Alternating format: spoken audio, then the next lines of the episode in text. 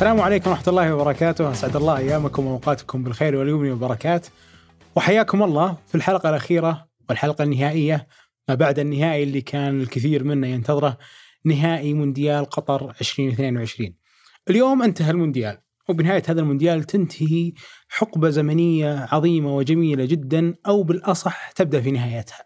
يعني بنهاية مونديال اليوم على الأغلب بتكون هي آخر مباراة دولية لميسي وكانت آخر مباراة دولية لرونالدو وكانت آخر مباراة دولية لمودريتش وبعدهم الكثير من الأسماء اللي بيبدون تدريجيا يبدون في نهاية مسيرتهم. بين يبتعدون تدريجيا عن المنتخبات وبعد ذلك عن الأندية ثم بعد ذلك الاعتزال وهذه طبيعة كرة القدم.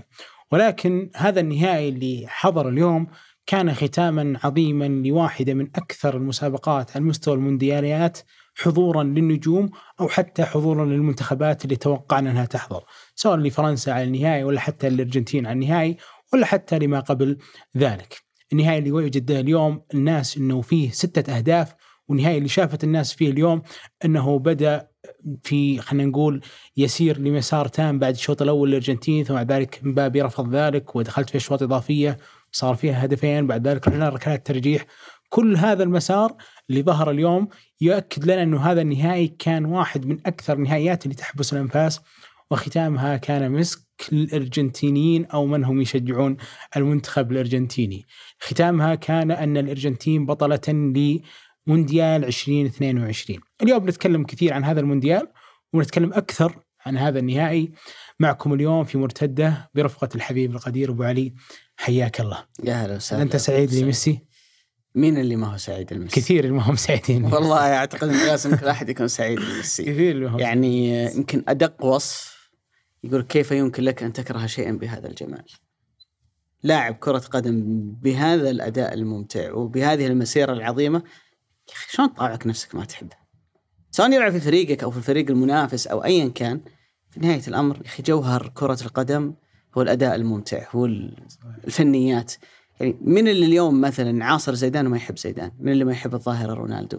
المناكفات هذه اللي تصير في زمن اللاعب في فترة نشاطه الرياضي ترى في الغالب تنتهي بعد ما يعتزل ويتوارى عن الأنظار وأنا متأكد إنه حتى لو في كلام يقال حاليا عن ميسي أو عدم حقيقته أي من هالنوع من الكلام ترى بعد فترة بسيطة جدا. لما يعتزل نعرف قديش إحنا خسرنا لاعب عظيم نعرف قديش إحنا عشنا في زمن عظيم صراحة. وأنا أتحسر على هذا الزمن اللي هو أؤرخه في العقد الأخير من كرة القدم.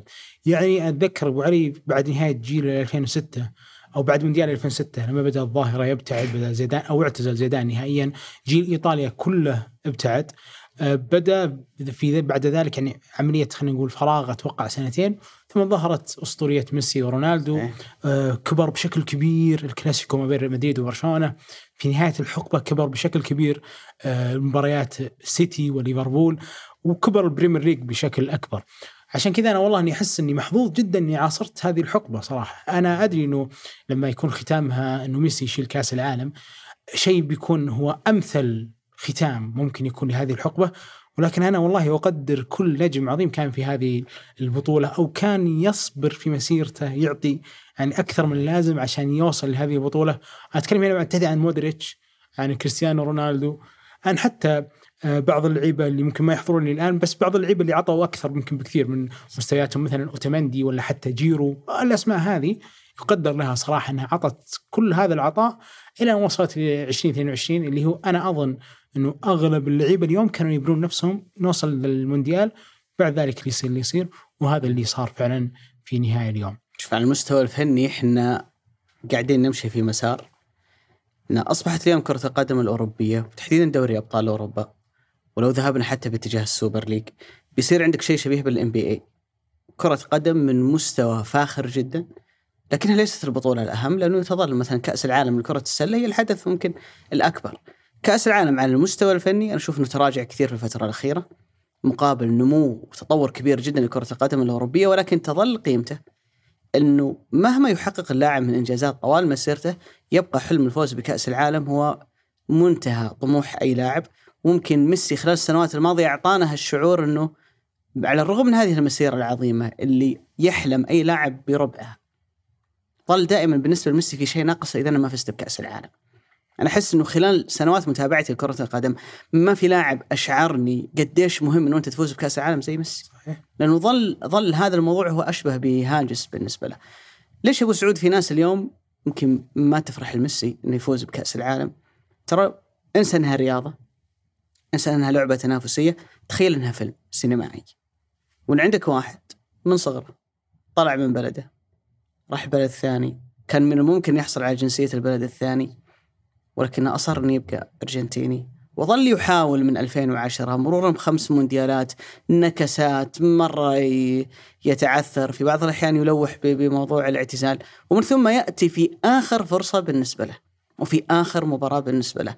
وتصير بهذا الشكل الدراماتيكي أنت لو أنت قاعد تشوف فيلم بتتمنى إنه يطلع هو زعلان؟ ولا بتتمنى إنه يفوز ويطلع هو مبسوط؟ المشكلة أكيد إنه أنت بتتمنى إنه هو يكون بهذه يعني تنتهي النهاية بهذه النهاية السعيدة. ولذلك ترى كل حتى البرازيليين أنفسهم كثير منهم من اللاعبين البرازيليين أساطير كرة القدم البرازيلية إحنا نتمنى ان ميسي يفوز بكأس العالم. توني كروس في ريال مدريد اللي هو في الصراع المستمر بين ريال مدريد وبرشلونة يقول كان أتمنى إنه ليونيل ميسي يفوز بالبطولة. فأعتقد إنه أي واحد يحب الكورة الكورة كلعبة ك... كتنافس كشيء يجمع الشعوب يسعد إنه لاعب بهذه القيمة وهذه المكانة ما تختتم مسيرته بدون أهم إنجاز اللي أعتقد إنه طوال مسيرته أعطى كل ما لديه من أجل أن يكون في لحظة شيلة الكاس واللي أتت أخيرا يعني. وخلينا نتفق بعدين إنه هذا الكاس غير إنه يعني يعتبر بطولة. ميسي كثير صعبها. مم. أو خلاها في مصاف إنه أصلا أنت ما سويت شيء للأرجنتين. صحيح. وكل خيرك لبرشلونة. وبعد ذلك جت السياق. اللي خلينا نقول الزمني اللي كان متعب جدا لميسي بعد أن اعتزل في 2016 وغيرها.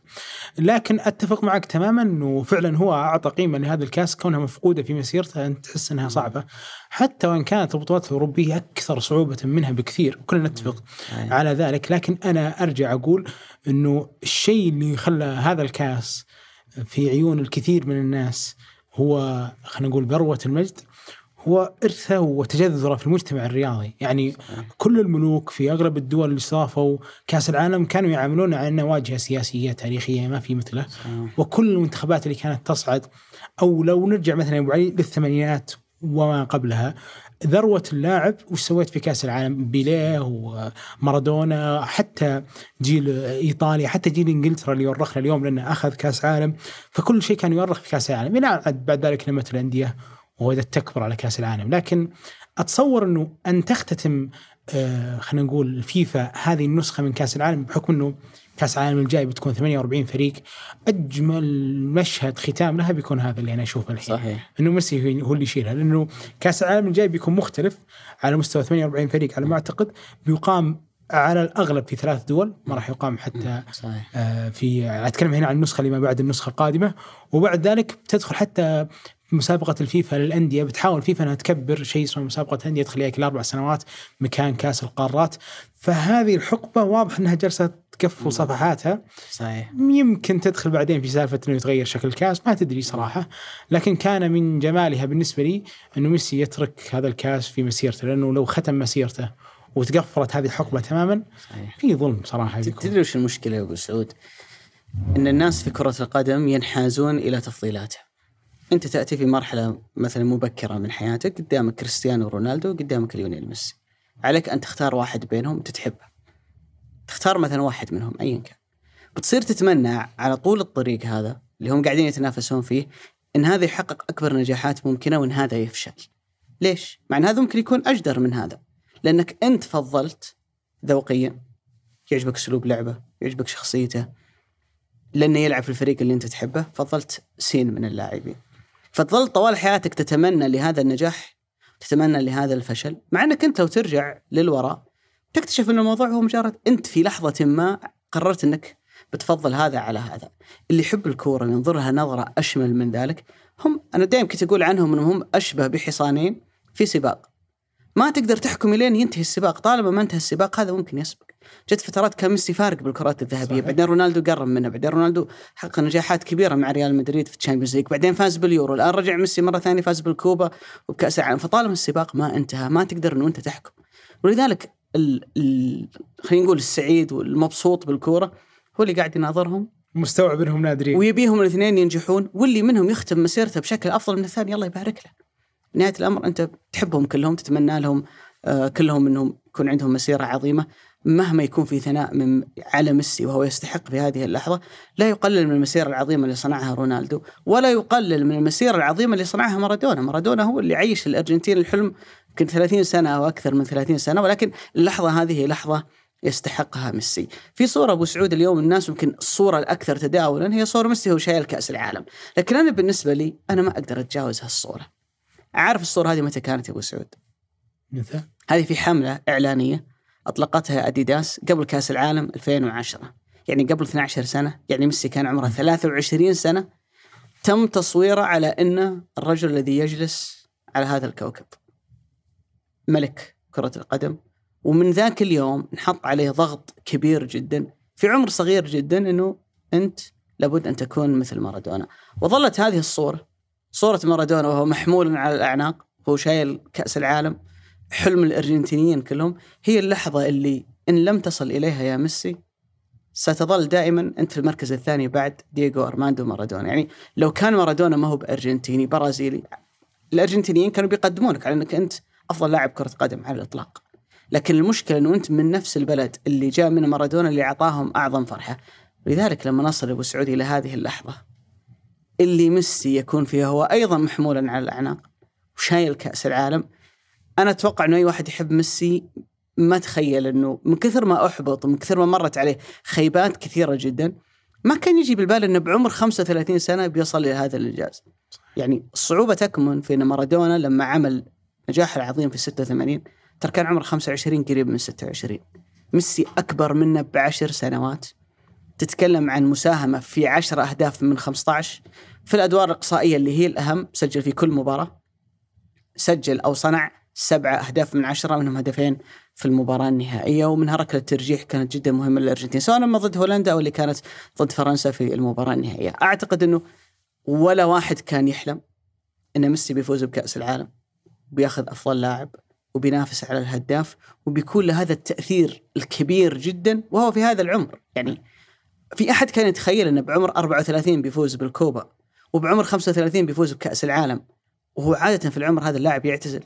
بطل كوره أنا أعتقد إنه اللي صار أرجع وأقول لك هو أشبه بفيلم ولحسن الحظ انه نهايته كانت سعيدة. ومع جيل أبو علي ترى ما هو مرشح إيه، عاد موضوع الجيل هذا. مع جيل أنت ما تحطه في بالك. يعني أنا أنا أتذكر أبو علي ما بعد 2014 كنت أقول إذا الأرجنتين ما حقت مع إنه كمنظومة جيل 2014 سيء بس أتكلم عن وفرة مو طبيعية كانت تحديدا في المناطق الهجومية. فكنت أقول يعني هذا المنتخب المفروض إنه على الأقل يوصل نهائي كأس العالم. ووصل نهائي كأس العالم بس ما أخذها. بعدها في 2018 شفت كذا انهيار مو بانحدار انهيار لجيل الارجنتين وطلعوا خلينا نقول بشكل ما هو جيد في دور المجموعات ولما تأهلوا دور 16 طلعتهم فرنسا بنتيجة كبيرة. فكنت أعتقد إنه خلاص كل شيء انتهى.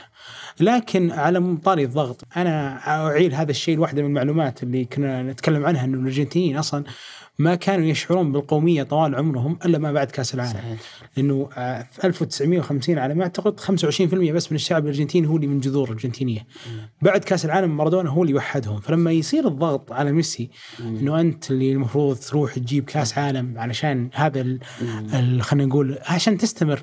توحيد الصفوف في الأرجنتين أعتقد إنه هو قمة الضغط خصوصا لما ينقال لك أنت مولود أو عندك أصول إيطالية بعد ذلك رحت لإسبانيا. تعرف سالفة خلق زي أخوك الكبير؟ إيه. أي إنه دائما في مثل أعلى أنت لابد أن تصل اليه ما المشكلة إنه المثل الأعلى هذا شق طريقة بدون ضغوط. صحيح. بينما أنت عليك كل الضغط إنك لازم تكون زيه. وأنت في جيل بالضبط. أو وقت اصعب بكثير من جيل يعني مثلا مارادونا لما لعب 94 وكان قبلها في 90 أربع سنوات ما بين المونديالين سنة وقف سنة لعب في إشبيليا ثم رجع لبوكا درب فترة ثم رجع يعني شفت اللي مستحيل تصير في نظام احتراف الحين. صحيح. يعني حتى فترته في إيطاليا كانت تدريبات ثلاث أيام بس ما هي كانت على مدار الأسبوع بينما أنت الحين ميسي هنا في جيل وعمرك 35 سنة قمة تطور كرة العالم كرة القدم تقنية وانت مطلوب إنك في الأندية تكون أفضل شيء وتكمل هذا بكاس العالم. صحيح. فالموضوع أصعب بكثير. صحيح. موضوع الجيل ابو سعود لو قلنا اليوم وش هي؟ أفضل صفوة الأندية على مستوى أوروبا. إذا بنحط معيار نقول ينافس على البطولة المحلية انه يفوز بالدوري وينافس على دوري أبطال أوروبا. نتكلم عن ريال مدريد برشلونة نوعا ما في إسبانيا. نتكلم عن سيتي ليفربول في إنجلترا. نتكلم عن بايرن ميونخ عن باريس سان جيرمان. ممكن يمر بفترة يعني بدروب خلال السنوات الماضية لكن يوفنتوس كان أيضا من الأندية اللي تنافس خلال الفترة الماضية. كم لاعب من الجيل اللي موجود حاليا في الأرجنتين مع ميسي يلعب في هالأندية؟ أتوقع لو صار مارتينيز. يعني تتكلم بس لاوتارو يعني لاوتارو مارتينيز يلعب في الإنتر. نهاية الأمر ما هو بفريق تقول إنه مرشح إنه يفوز بدوري أبطال أوروبا. صفوة الأندية أفضل خمسة أو ستة أندية. ألفاريز وتوه أول سنة ويلعب ويلعب بديل في مانشستر سيتي. التشكيلة الأساسية اللي بدأت المباراة أمام فرنسا الخمس بطولات الكبرى. دوريات الكبرى. زائد الشامبيونز ليج تدري كم لاعب من ال 11 عمره جاب نجاح إنه يفوز بدوري في البطولات الخمس الكبرى أو تشامبيونز ليج اثنين. أوتاميندي عنده اثنين دوري مع السيتي وما كان ذاك اللاعب للأمانة. لا أمانة والله قد- الوحيد اللي ينقال عنه إنه في فترة من الفترات كان نجم فاز ببطولة مهمة زي دوري أبطال أوروبا هو دي هو دي ماريا. بقية اللاعبين هو أوكي فوز بكأس العالم هو أعظم إنجاز في مسيرة أي لاعب. لكن ترى فعليا ما عندهم أي إنجازات في مسيرته.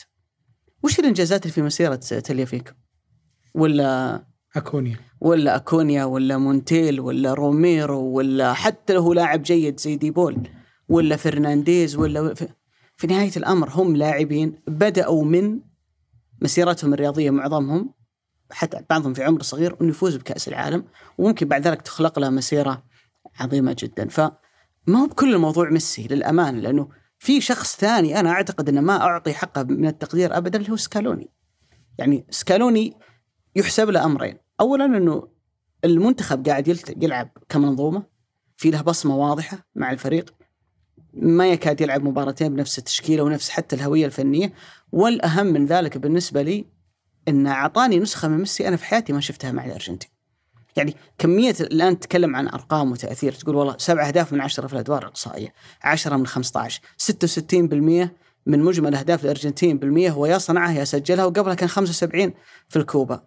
أرقام مش طبيعية للي يعرف مسيرة ميسي مع الأرجنتين قياسا بعمر ميسي اللي هو موجود فيه اليوم. وتتكلم عن السنتين اللي هو طلع من ناديه اللي هو صحيح. طول حياته يلعب فيه اللي هو برشلونة. وراح باتجاه تجربة جديدة ويلعب مع مبابي ومع نيمار وتحول إلى أنه النجوميه والشو الكبير كان عنده في برشلونة يلعب دور أقل في باريس سان جيرمان فأعتقد أنه ميسي وسكالوني هم أبطال هذه المرحلة قطعا. إيميليانو مارتينيز له دور خط الدفاع خط الوسط كله كله لهم إسهامات. لكن نقول نسبة إسهام كل طرف عن الآخر أعتقد أنه بالمقام الأول ميسي ثم ميسي ثم ميسي ثم سكالوني وبعد ذلك عاد تحط اللي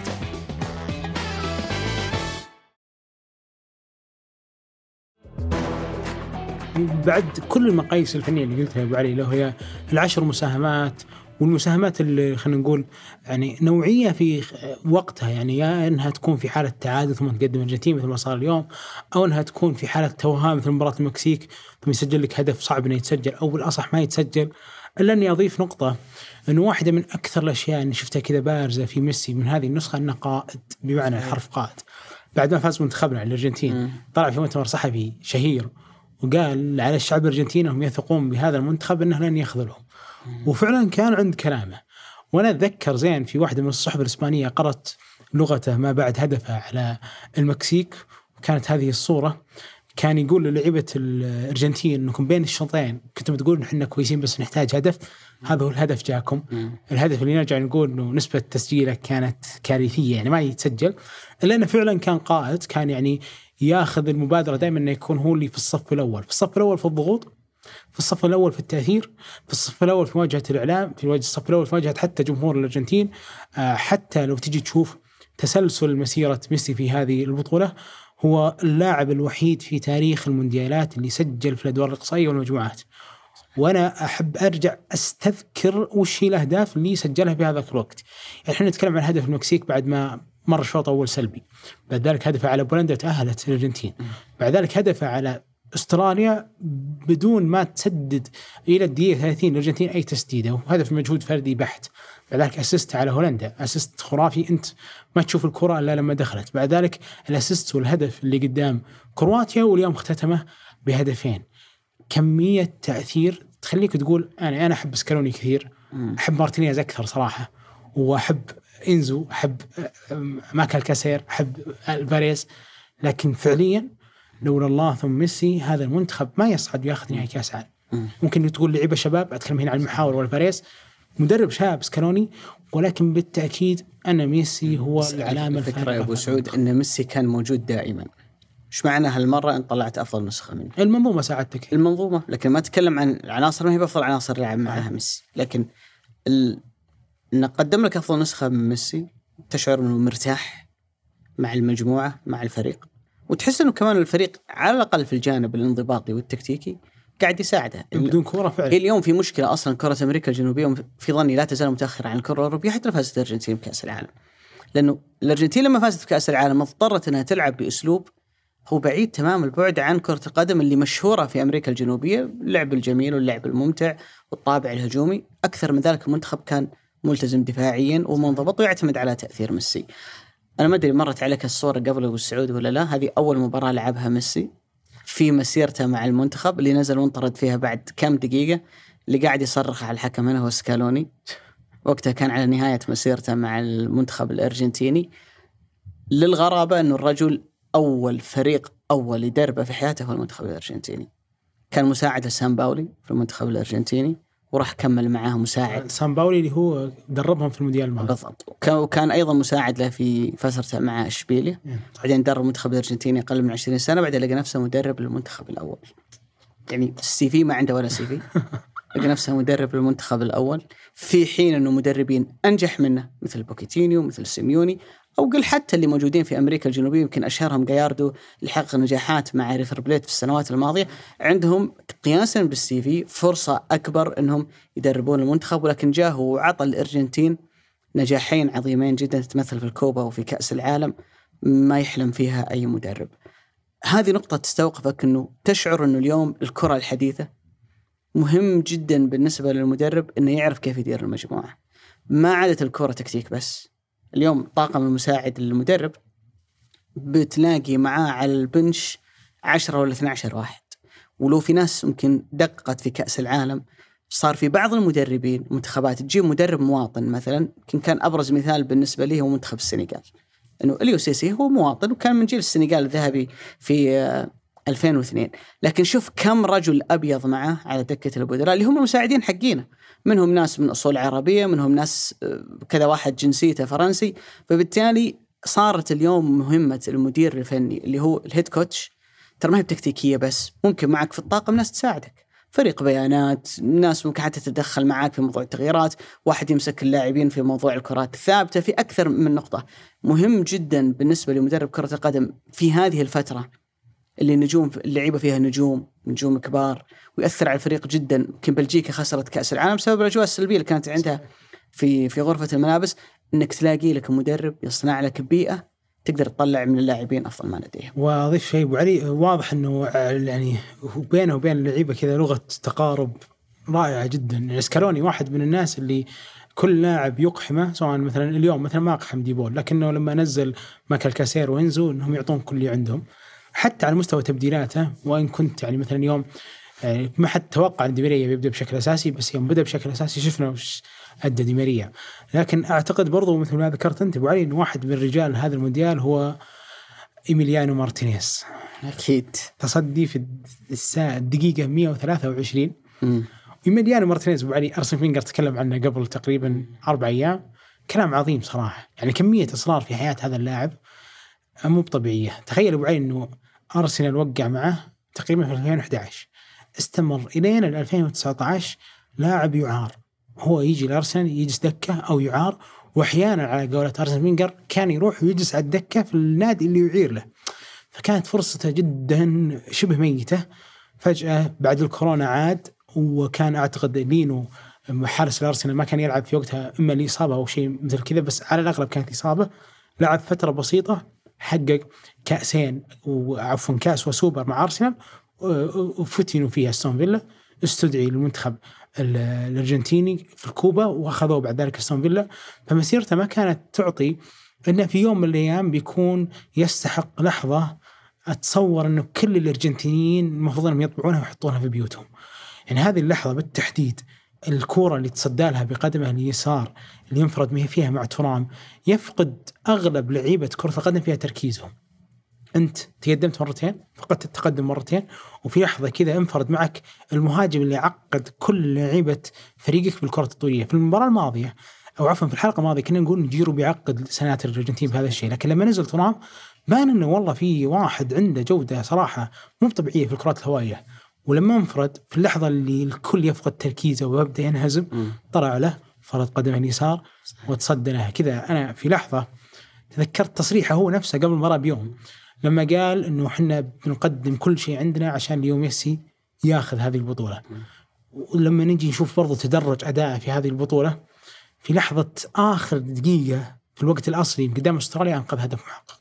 في مباراة الأرجنتين ركلات ترجيح واليوم برضو كانت في ركلات ترجيح وغير ركلات ترجيح كان في تصدي في الدقيقة 123 صراحة ما, ما ماني مطلع على كل الحراس في تاريخ الأرجنتين لكن على حد ما وعيت أنا ما أتذكر ابدا انه في حارس أرجنتيني كان كذا يعني أداء جدا عظيم وحارس صف أول. يعني أتذكر المونديال الماضي حرسوا حارسين كاباييرو لما اخطا قدام كرواتيا بعد ذلك تغير حرس حارس ريفر بليت.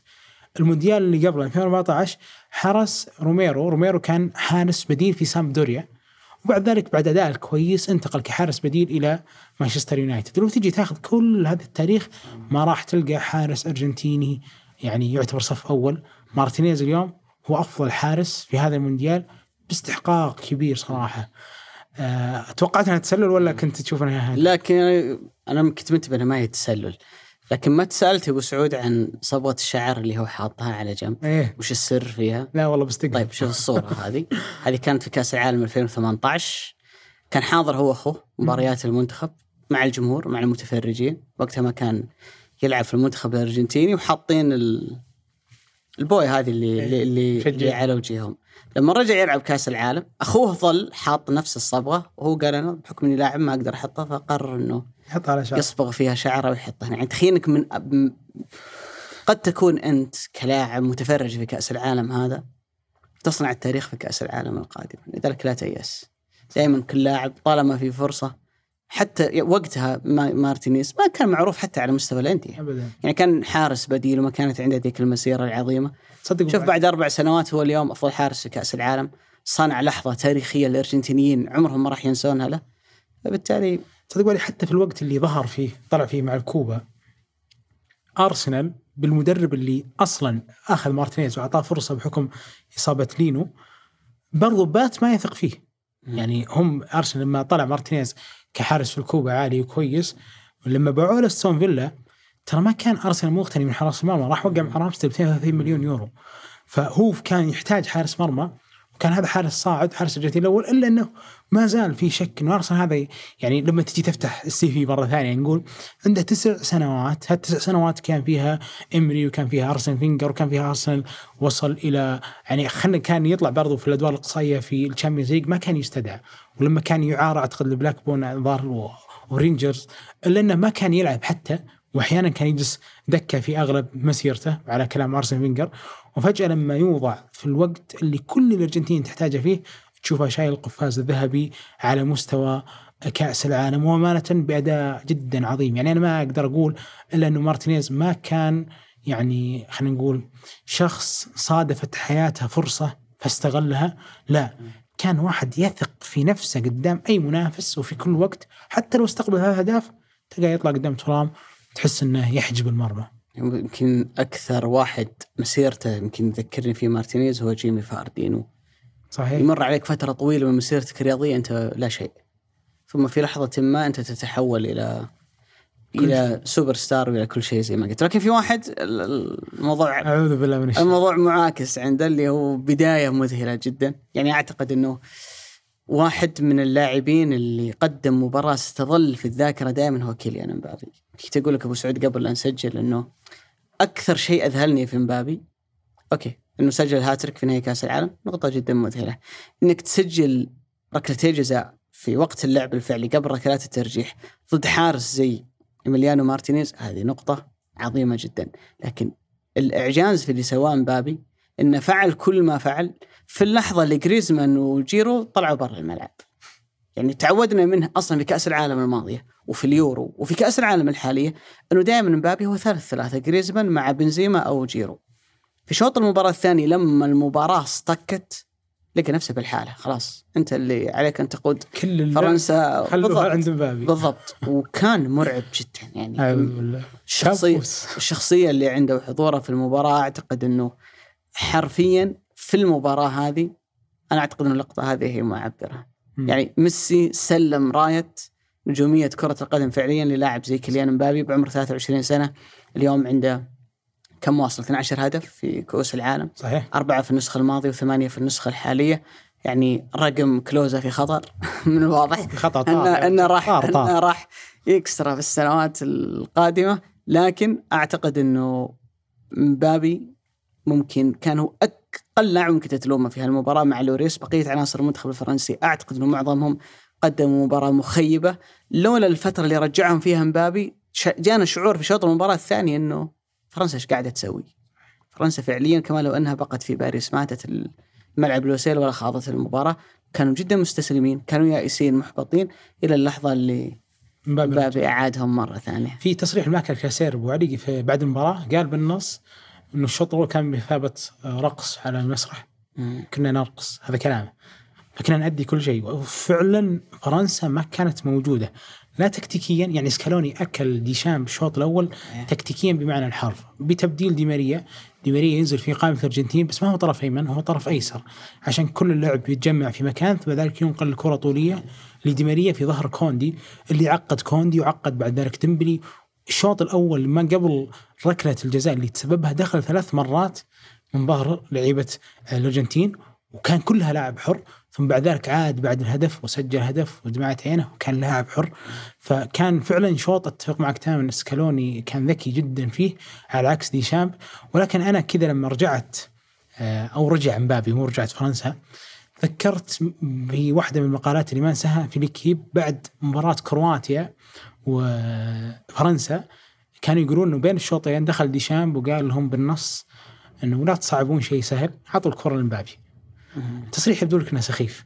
لكن اللي يشوف المباراة من هدف فرنسا الأول اللي كان من ركلة الجزاء كل فرنسا بكل إمكانياتها بكامافينجا وتشاوميني وكومان ورابيوت وتورام واللي نزلوا بعدهم كل شيء يبنى يا مبابي تروح له كرة ولا ولا يجي واحد ينزل له كرة ثانية وهو يتصرف لما تيجي تشوف الهدف الثاني فعلا كرة دبل باص بعد ذلك أخذها أكل اللاعب وسددها والصراحة التكنيك كان مرعب. يعني لو تيجي تشوف وضعية جسمه التشريحية أبو علي ولا غلطة. مم. شخص رياضي ولا غلطة. يعني أخذ الكرة قدم ارتكاز يسار مايلة فنشها باليمين من لمسة واحدة.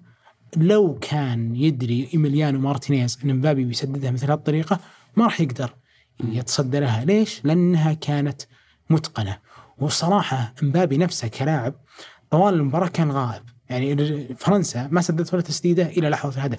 لكن مبابي نفسه كان يلعب مع دي بول man to man وفي كثير من لقطات المباراة كنت أحط على اللي هي اللي هو البث اللي موفر فيه في هذه المرة اللي هو في كاميرا على ميسي كاميرا على مبابي كاميرات على المدربين كاميرا أساسية. فكنت أشوف دي بول كذا مرة يحاول يطلع من طوره وكان ينجح وكان يلعبون مع man to man. في كور كثير من الشوط الأول فقدت منه. بس أي شخصية مثل هذه اللي في ظرف دقيقتين يصير يبي هدف ثالث علشان يطلع المنتخب الأرجنتيني. صراحة لا تقول لي هالاند ولا تقول لي أي لاعب شاب صاعد. هذا في أفق لحاله. يعني لاعب داخل يعني أنا أجزم أنه ما هذا ما راح يكون آخر نهائي كأس عالم يلعبه.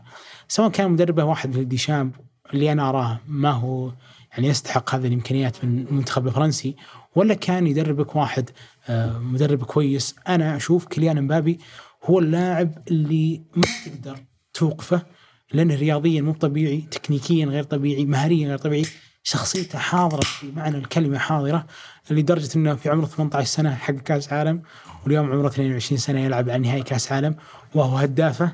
لكن أعتقد إنه المحبط بالنسبة له إنه سجل هاتريك.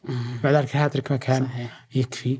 بس بالتأكيد أني أرجع أقول هذا في أفق بالحالة شخصيه ما في لاعب بيصعد شخصيه شوف أنا أول مرة أدري عن التصريح اللي قاله ديشامب لكن أتذكر تصريح زيه بالضبط قاله مارسيل ديساي اللي كان مدافع فرنسا في 98 قال عن زيدان. قال إنه كان عندنا تعليمات من ايمي جاكي وقتها مدرب المنتخب الفرنسي إنكم إذا بلشتم اعطوها زيدان. زيدان هو بيتصرف. فإنك تقول تصريح زي هذا عن لاعب عمره 19 سنة يدلك على شخصية وقيمة اللاعب. للأمانة مبابي سهل جدا تقول إنه لاعب دوري فرنسي. عنده أرقام عظيمة بس يا أخي تراها في الدوري الفرنسي. لكن يروح يلعب في دوري أبطال أوروبا يعطيك نفس الأرقام ونفس التأثير. الموسم الماضي كان مرعب جدا في الأدوار الإقصائية اللي اللي خاضها مع باريس سان جيرمان. وحاليا في كأس العالم.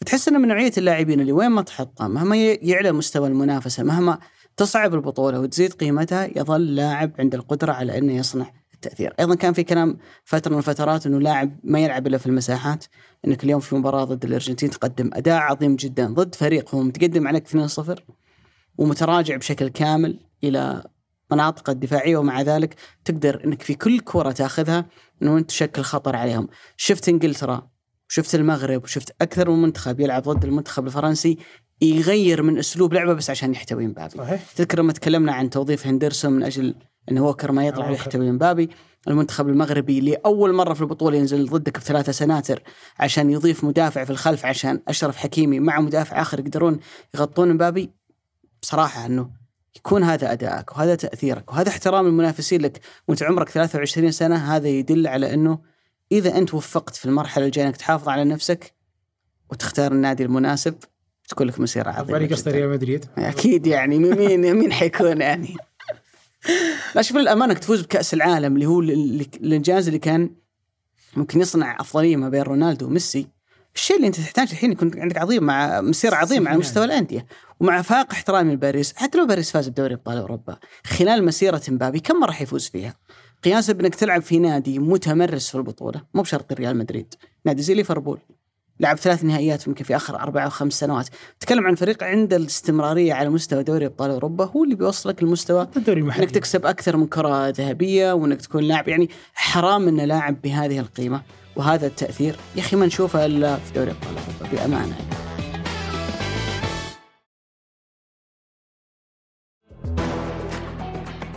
وغير كذا بعد حتى على مستوى الدوري المحلي. لو حققت ما حققت في الدوري المحلي بيظل الناس يقول هذا الدوري الفرنسي.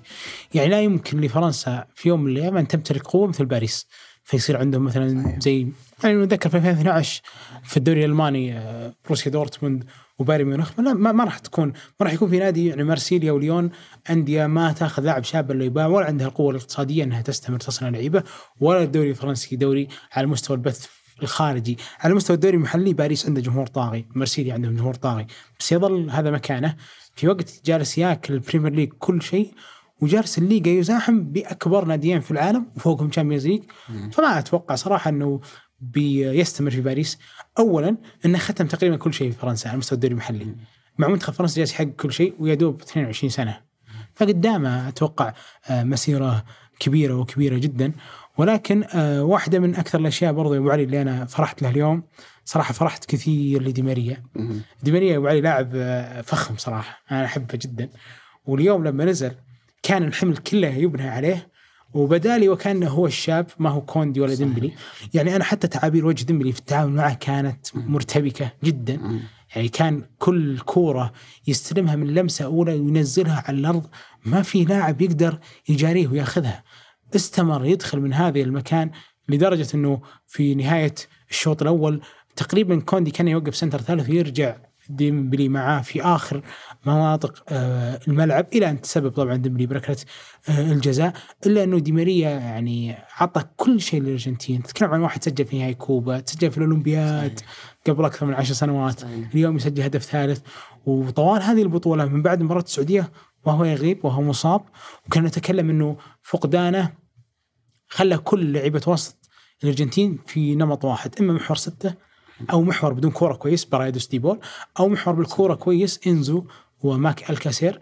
إلا أن دي ماريا لما نزل بان إنه لاعب جدا فارق والكثير لو تعثرت الأرجنتين اليوم بيقول إنه خروجه كانت واحدة من الأسباب. بحكم إنه واحد مر على مدريد وهو صغير لاعب يعني جاكم هو عمره 21 سنة أو أي. 22 سنة. ولاعب المواعيد الكبرى يعني الناس تتذكر نهائي لشبونة.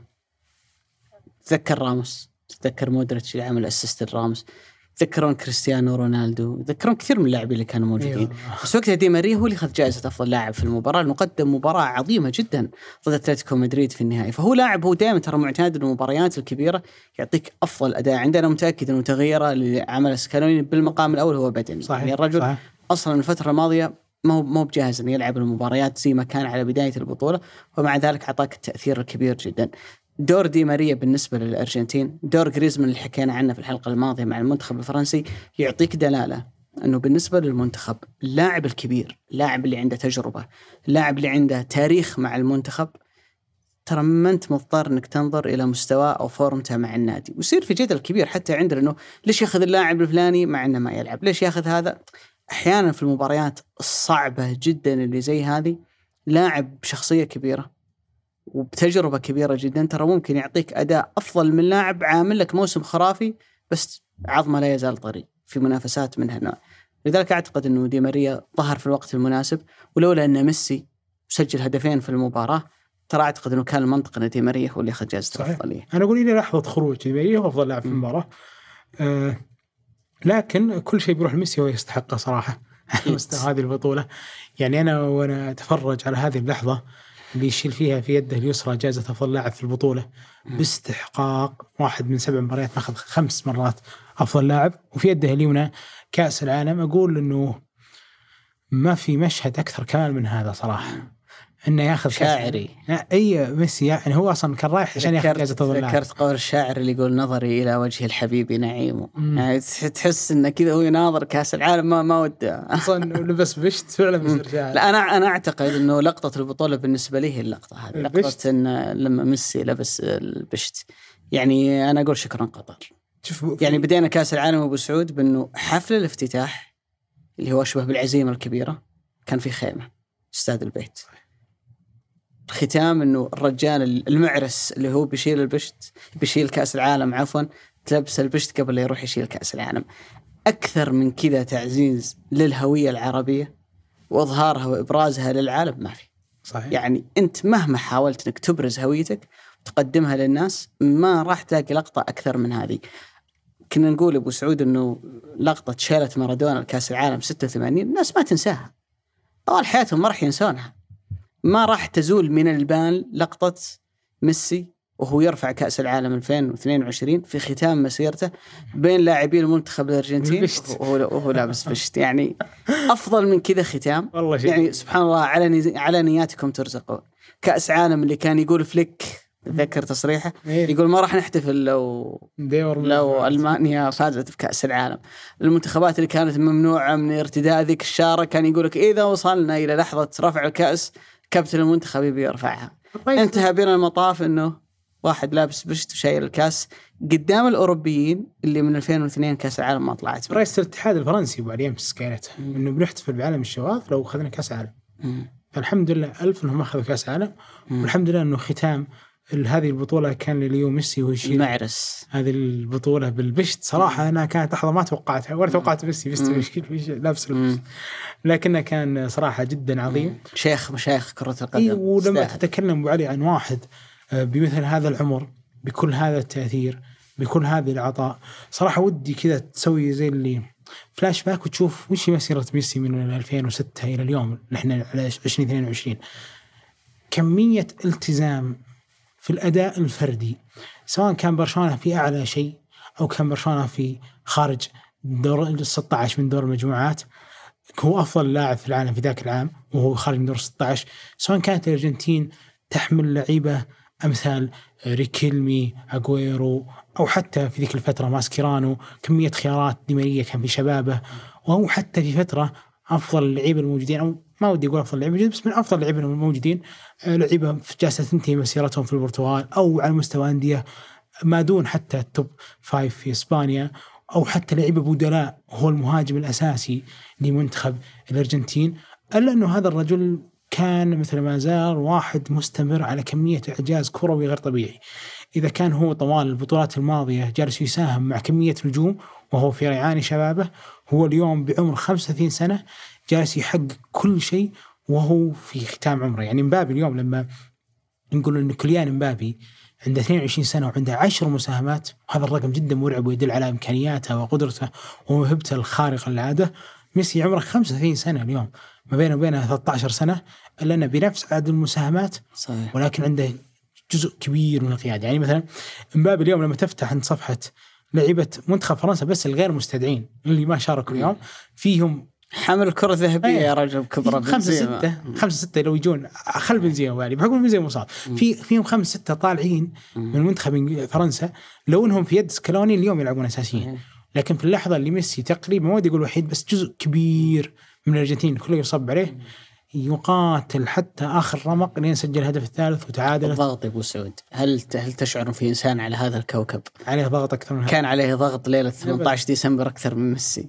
ومع ذلك كيف إنه أنت على الرغم من الضغط الكبير اللي عليك وأنت عارف إنها آخر مشاركة كيف إنه أنت؟ أنت معلن بعد إنها آخر مشاركة. بالضبط. أنا أشوف إنه بالنسبة تتكلم عن الأفضلية أفضل لاعب في العالم أنت شفته؟ أنا دائما أقول إنه في معيارين.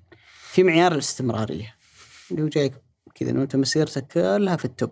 وفي معيار اللحظات العظيمة. يعني مارادونا على سبيل المثال عنده لحظتين عظيمة جدا هي اللي خلته في كرة القدم. مونديال 86 والنجاحات العظيمة اللي صنعها مع مع نابولي في الدوري الإيطالي. فكان ميسي بوضوح يتفوق عليه في موضوع الاستمرارية. إنه رجل في ليفل عالي جدا تتكلم من 2009 تقريبا إلى اليوم 2022 تتكلم عن 13 سنة. بس وفيها أيضا لحظات عظيمة جدا يمكن كانت مع برشلونة والفوز بدوري أبطال أوروبا يفوز بالثلاثية مرتين في واحدة من المرات كملت وصارت سداسية. الحاجة الوحيدة اللي كانت تنقصه اللحظة العظيمة ذي اللي هي مؤشر اللحظات العظيمة إنه يجيب كأس العالم. حدث. فاز بكأس العالم. أنا بالنسبة لي ترى إنجاز الكوبا أنا في ظني ما هو بإنجاز كبير صح. لأنه كم بطولة كوبا هو لعبها والبطولة ممكن على مستوى 10 منتخبات أو 12 منتخب ما هي بقيمة كأس الأمم الأوروبية. ولذلك كان ميسي بالنسبة له إما كأس العالم أو لا شيء. وعلى الرغم من هذا الضغط الكبير جدا قدر إنه على الرغم بعد بكأس العالم. والمهم بالنسبة لميسي إن ما زملائك جو قدموها لك. يعني في بعض اللاعبين اسمك بس إنه أنت في القائمة ترى. صحيح. ولا تسهم إسهام بسيط جدا لكن هو كان هو كل شيء. هو كان زي ما ختمها بسالفة البشت هو كان وإذا كان شيخ القبيلة بالنسبة لهم. إذا كان أبو علي هذا النهائي مع الأرجنتين هو أفضل نهائي وأفضل لحظة في مسيرته مع الأرجنتين، كم تتوقع أنه صعد لنهائي مع الأرجنتين؟ نهائي في مسيرته كلها مع الأرجنتين ستة سبعة مم. سبع نهائيات يدوب جاء كأس العالم مم. وتتكلم عن إنه آه، ما فيها إلا اللي هي آخر ثلاث نهائيات منها اللي هي كاس الكوبا وبعد ذلك الأبطال قدام إيطاليا ثم الآن كأس العالم. قبلها كانت في خمس نهائيات كان فيها نكسات فيها ثنتين مرتين تتقابل تشيل على ركلات ترجيح. صحيح. ما تدري إيش ممكن يصير ما في يدك شيء أصلا. وفيها لحظات أصعب إنك تحط هو كان يضيع هو بنفسه. هو كان يضيع بنفسه لا واحيانا إنه مثلا تدخل معي ألمانيا، ألمانيا فرق عنك كل شيء وتنفرد مرتين. أتكلم هنا عن فترتين هيغوايين وحتى بلاسيو وتهدر كلها. وبعد ذلك تروح للاشواط الإضافية دكة ألمانيا. فارقه كثير عن دكة الأرجنتين. آه، المدرب ال system في ألمانيا الدوري في ألمانيا كل شيء كان في ألمانيا أفضل شيء في العالم. وبعد ذلك ياخذونها عليك وتستمر كمية النكسات الأرجنتين في حالة نزول وبعد ذلك تصعد إنك تقدم الأرجنتين في سبع نهائيات. هذا شيء عظيم. إنك في آخر عمرك تشيل كأس عالم هذا كمية إعجاز. مثل ما قلت أنت هو شيء تشريفي. ما هو واحد ينزل من الدكة ويلبس الشارة ويريح لعب كل المباريات. في منها مثل اليوم 120 دقيقة تلقى تلقى انه مساهم فيها ب assist و goal وفي منها 90 دقيقة مثل دور المجموعات الفريق ما يعرف يسجل قدام المكسيك وانت اللي تقدمهم. فكمية إعجاز استحق صراحة إنه يخلد بها آه، تاريخه وأنا ما أظن ابدا إنه في أحد بيجي يسوي هذا الإعجاز. اطلاقا. يعني ممكن يصعد نجم أوروبي عنده اتحاد ممتاز مثل اللي سواه مثل الاتحاد البلجيكي قبل عشر سنوات أو حتى اللي سواه مثل الاتحاد الألماني أو اللي يسويه الحين الاتحاد الفرنسي. يصنع لك وفرة نجوم صحيح. يكون على. رأسهم واحد رائع جدا مثل مبابي أو حتى يكون عندك كمية مدارس مثل سبورتنج لشبونه بورتو بنفيكا تصدر لكل أوروبا. فيصير عندك منتخب برتغالي في كمية وفرة اللي صارت في يد سانتوس اليوم. هذا الشيء وارد أو حتى إنك تكون مثل البرازيل إنك تصدر لاوروبا لعيبة بسن صغير جدا مثل رافينيا وفينيسيوس جونيور ونيمار وكلهم. فيتولد عندك منتخب جدا ممتاز. لكن يكون أصلا الاتحاد الأرجنتيني معين سكالوني كواحد بديل فما هو مخطط لشيء. ويكون عنده كمية لعيبة. ما ودي استغفر الله أقول انولدوا من عدم بس الصدفة كانت نقطة فارق كبير في مسيرتهم.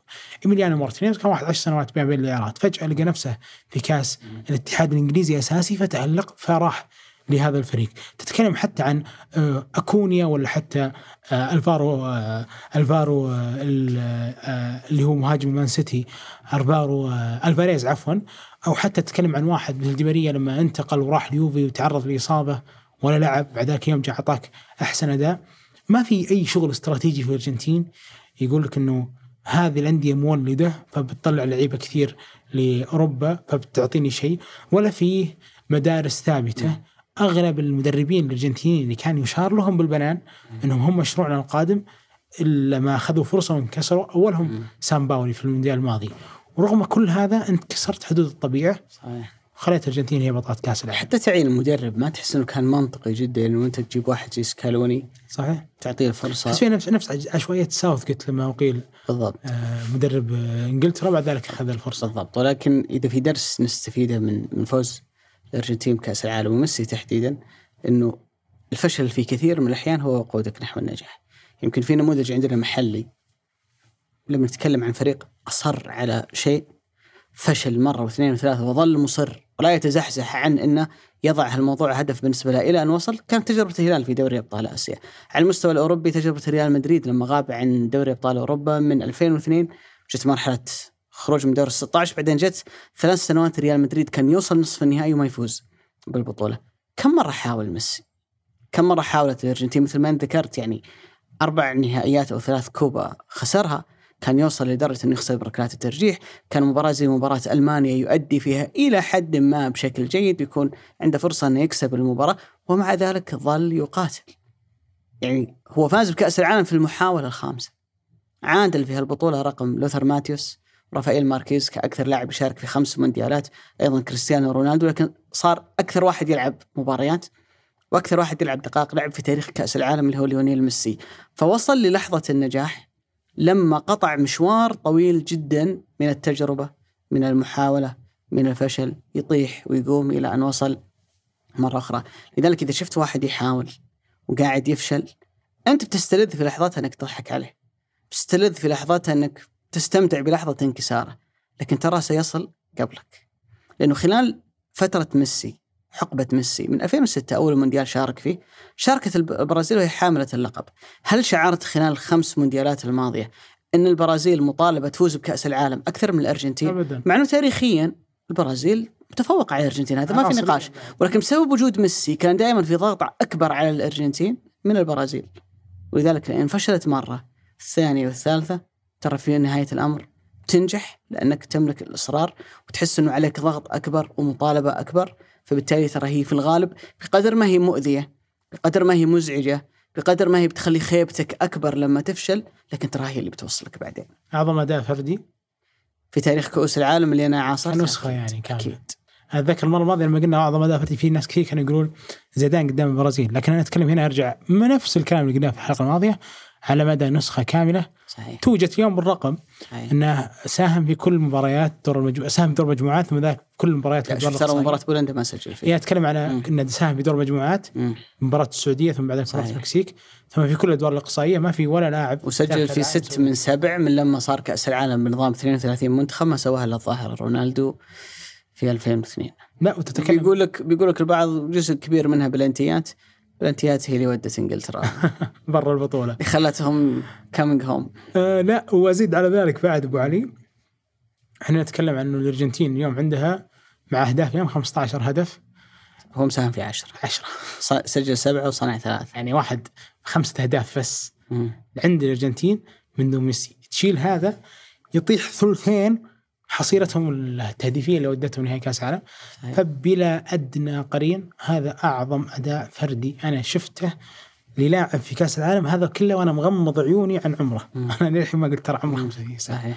لما تقول تلغي 35 شوف تلغي اليوم سالفة كرة القدم ليست عادلة. اي صحيح صارت صحيح. عادلة. أعطت اللي يستحق. الله يعطيك ألف عافية أبو علي. الله يعافيك يا أبو هل ما زال في جعبتك شيء؟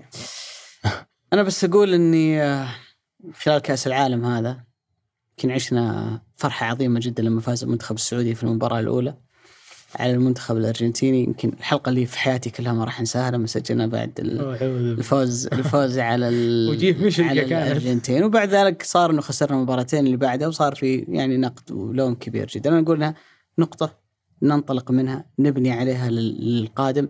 نتعلم من المنتخبات هذه اللي قاعدة تبني. صعب إنه أنت توصل للنجاح. من أول مرة.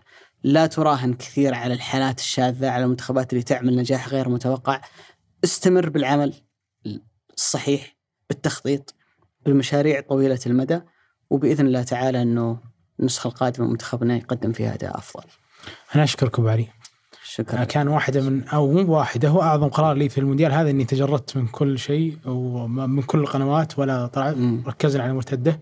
صراحة كان شيء يعني جدا سعيد فيه. كنت سعيد إني جيتك معك على هالطاولة آه، وأنا اسعد مرتين. فنتمنى بإذن الله إنه كل شيء قدمناه يكون وفق ما. تامله الناس. صحيح. أكيد إنه في بعض جزء كبير من الجمهور مرتدة عندهم امال كبيرة. نتمنى بإذن الله إحنا مع الوقت آه، نوصل لها. ومن هنا بإذن الله إلى ما نكمل مسيرتنا. الهدف دائما بالنسبة لنا إنه كل وقت آه، يفرغه الشخص اللي يسمع مرتدة أو يشوف مرتدة مثل ما هو في المونديال ما هو بس شيء سمعي انه يكون يستحق إنه يفرغ على الأقل الوسائط هذه اللي في جواله سواء صوتي ولا آه، سمعي ومرئي إنه يسمع محتوى كويس. باذن الله تنبعنا انه يكون هذا الهدف اللي آه، خلينا نقول وصلنا له بإذن الله تنبعنا وجاي إن شاء الله على الدوري صحيح. السعودي. تتذكر رأيك أنت دائما أقول لك أبو سعود؟ أنت ما عندك ضمان إنك في كل مرة بتقول رأي صح. أنت ممكن تقول رأي الناس تقتنع فيه ممكن ما تقتنع فيه. لكن على الأقل لما تقدم رأيك ابذل جهد في إنك تكون هذا الرأي. شلون تبذل جهد؟ معلومة إحصائية قياس مقارنة. تطلع على المقالات العالمية اللي قاعدة تكتب عن أي موضوع عن التحليلات. في نهاية الأمر تحاول إنك تبذل جهد عشان تقدم راي عاد الناس تقتنع فيه ولا ما تقتنع فيه؟ أنت ما عندك ضمانك في كل مرة بتقول رأي صح؟ أنا أجزم إنه أنا وياك في هالنسخة. مم، على الأقل أنا من جانب خلينا نتكلم عن جانبي. سويت كل شيء عشان أقدر أعطي هالبطولة كامل وقتي وتركيزي واهتمامي. والغاية في نهاية الأمر هو أنك تصل إلى ذائقة المشاهد. إنه إذا أعطاك من وقته ساعة ساعة وربع ساعة ونص تحاول إنك تقدم مادة تستحق وقت الثمين اللي هو أعطاك إياها فإن وفقنا فمن الله وإن أخطأنا يتحملونه والقادم أفضل بإذن الله تعالى. بإذن الله الفترة الجاية بتكون مرتدة سمعية على تطبيق البودكاست في الدوري السعودي كما هو معتاد. فمن هنا بإذن الله إلى حلقة ما بعد ديربي الهياء والنصر نلقاهم بإذن الله على خير. شكرا لك أبو علي. شكرا لك يا أبو سعود. استمتعت كثيرا في هالحلقات. شكر لكم أيضا. شكر لاسيل باع عبد الله في الإخراج الإبداعي في الإخراج الفني مجد القرشي في إدارة التصوير وهاب موسى وفي التصوير عبد المحسن القرينيس. في الهندسة الصوتية عبد العزيز المزي فني إضاءة أمجد حديد مساعدي إضاءة محمد سواس وغالب جانودي. في التلوين عبد المجيد العطاس وفي التحرير عبد الرحمن الصوفي ومرام الضبيبان المنتج أصيل بافرض المنتج المنفذ رزان دهيثم مساعد إنتاج عبد المجيد باوزير وفي الإشراف جميل عبد الأحد هذا بودكاست مرتدة أحد منتجات شركة ثمانية للنشر والتوزيع. نلتقيكم بإذن الله تعالى بعد مباراة الهلال والنصر.